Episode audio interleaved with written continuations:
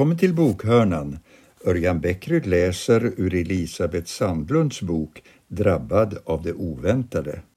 För mig som journalist är terminologi viktigt. Det är inte bara ett hårklyveri att försöka ringa in vad som menas med att vara kristen och vad man i så fall ska kalla dem som förvisso är döpta men som inte uppfyller det andra villkoret, det som går ut på att bekänna Jesus som sin frälsare. I katolska sammanhang används ofta uttrycket utövande katolik eller praktiserande katolik för att skilja dem som tar sin tro på allvar från dem som så att säga av kulturella skäl är katoliker. Bekännande kristen eller att ha en personlig kristen tro är andra varianter på samma tema. Ingen av dessa benämningar är särskilt lyckad. De två första låter mycket tekniska och att ha en personlig tro kan i dagens situation lätt missförstås så att man får för sig att det syftar på någon sorts hemmasnickrad variant. Inför riksdagsvalet 2002 gjorde kyrkans tidning en enkät med alla kandidater på valbar plats i en lång rad sakfrågor.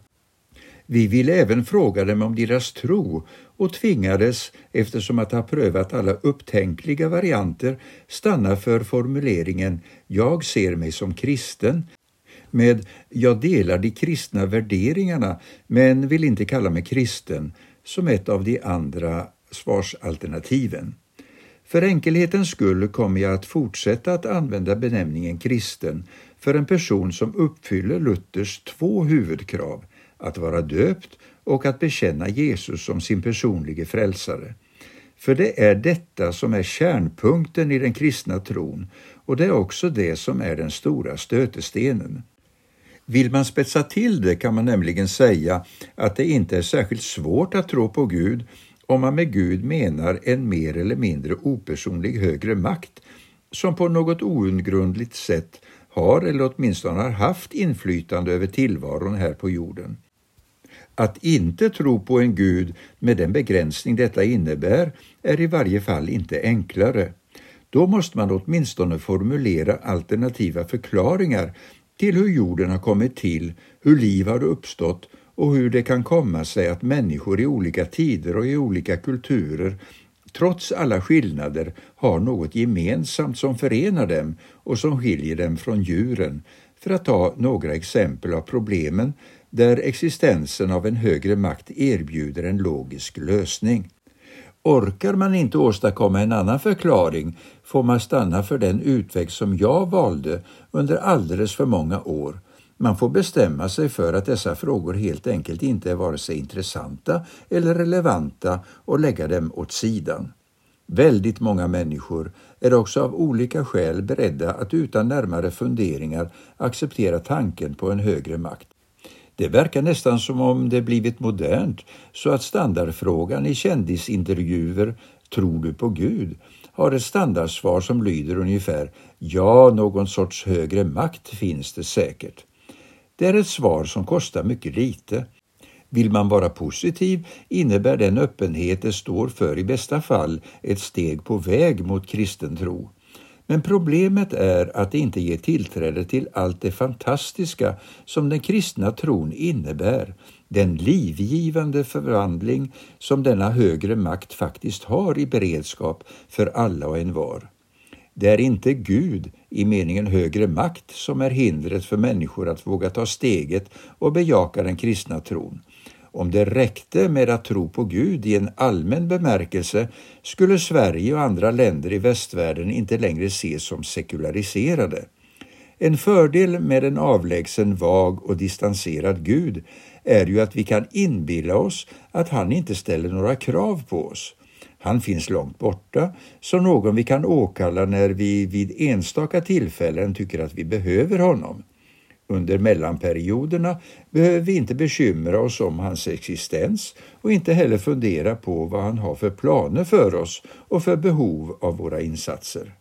Nej, stötestenen och dårskapen i den kristna tron är densamma idag som den varit från början och alltid kommer att förbli, nämligen Jesus Kristus. Just så formulerar sig Paulus när han redan på 50-talet skriver till de kristna i Korint.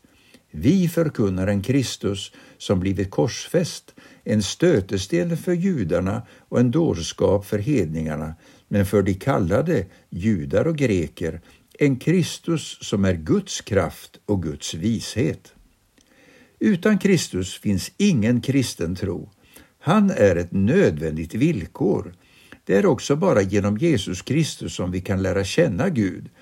Man hör ofta, så ofta att det verkar ha blivit en etablerad sanning, påståendet att vi inte kan veta något om Gud eller till och med att Gud bara kan beskrivas genom negationer, genom vad han inte är.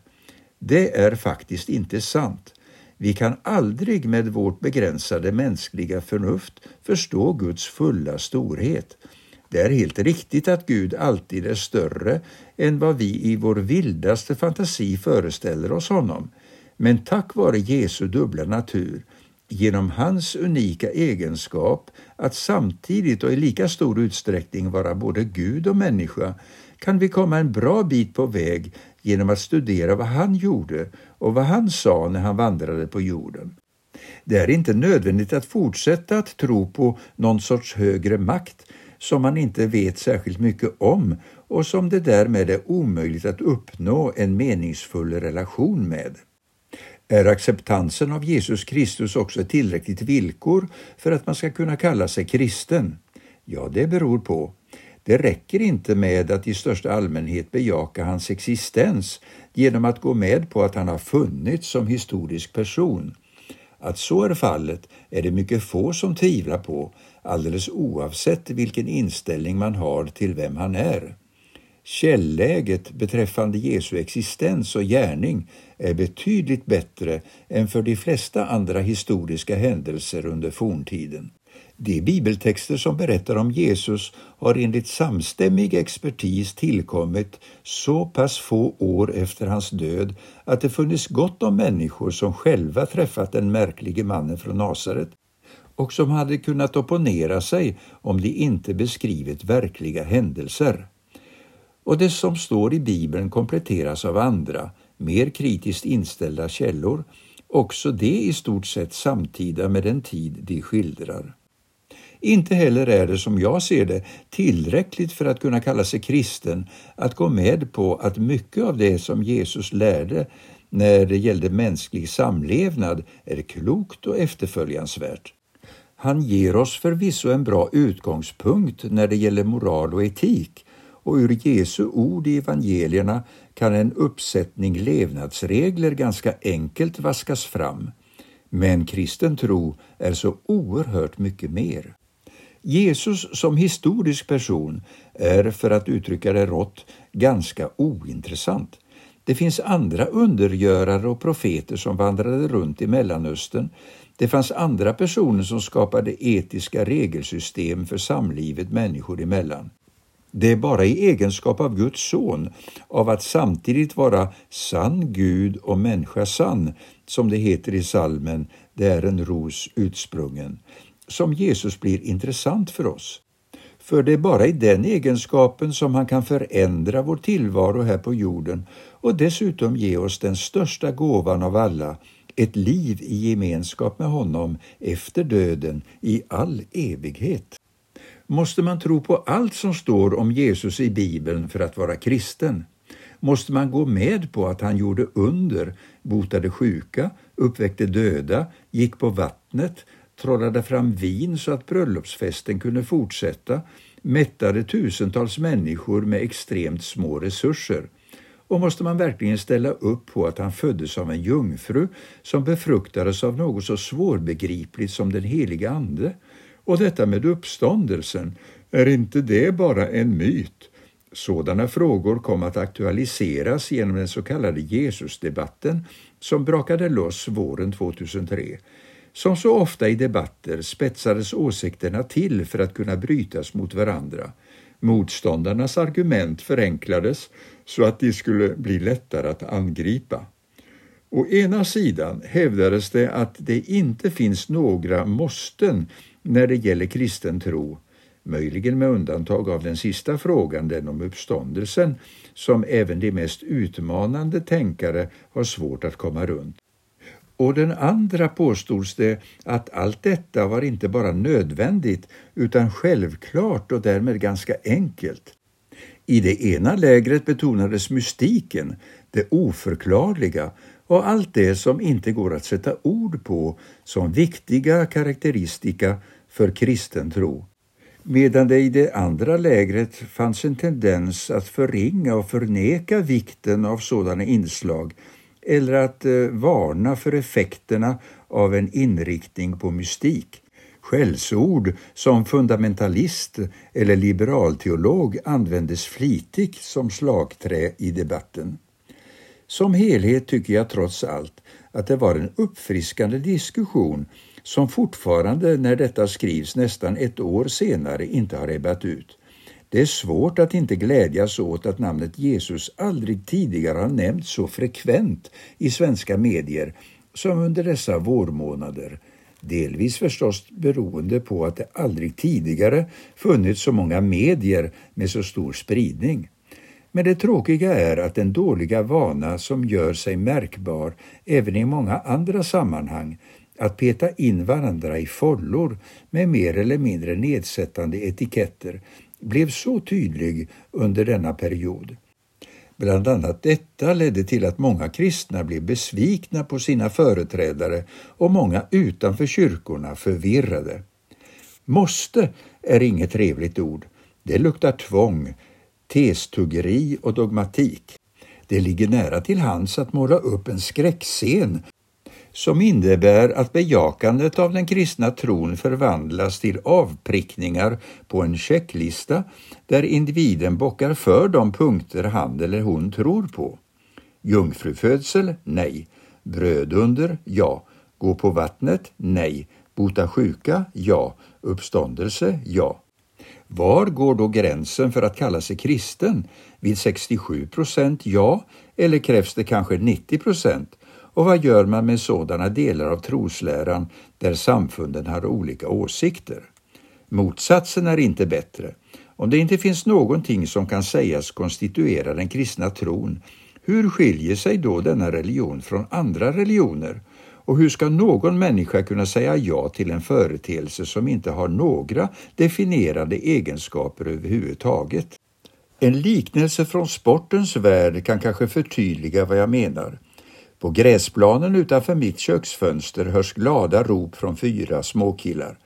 De har satt sina skolväskor som målstolpar, plockat fram en boll och delat upp sig i två lag. I vardagsrummet sitter min man framför tvn och ser 22 svettiga vuxna män utkämpa en landskamp på Råsunda inför en jättepublik. Skillnaderna är gigantiska.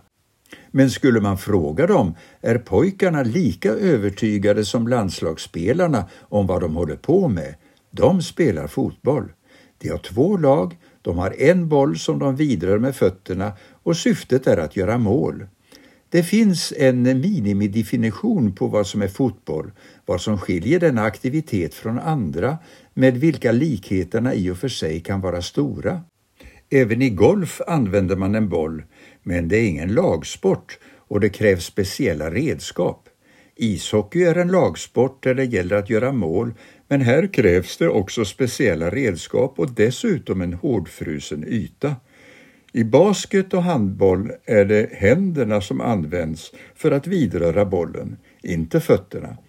Ingen klarhet vinns av att kalla alla dessa idrotter för bollsporter utan att definiera vad som skiljer dem åt. Inte heller är det särskilt klyftigt att hävda att det varken behövs boll, lag, mål eller fötter för att det såväl smågrabbarna som proffsspelarna ägnar sig åt ska kunna benämnas fotboll. En minimidefinition vad som är kristen tro är inget som hindrar människor att nalkas denna tro och att bejaka den.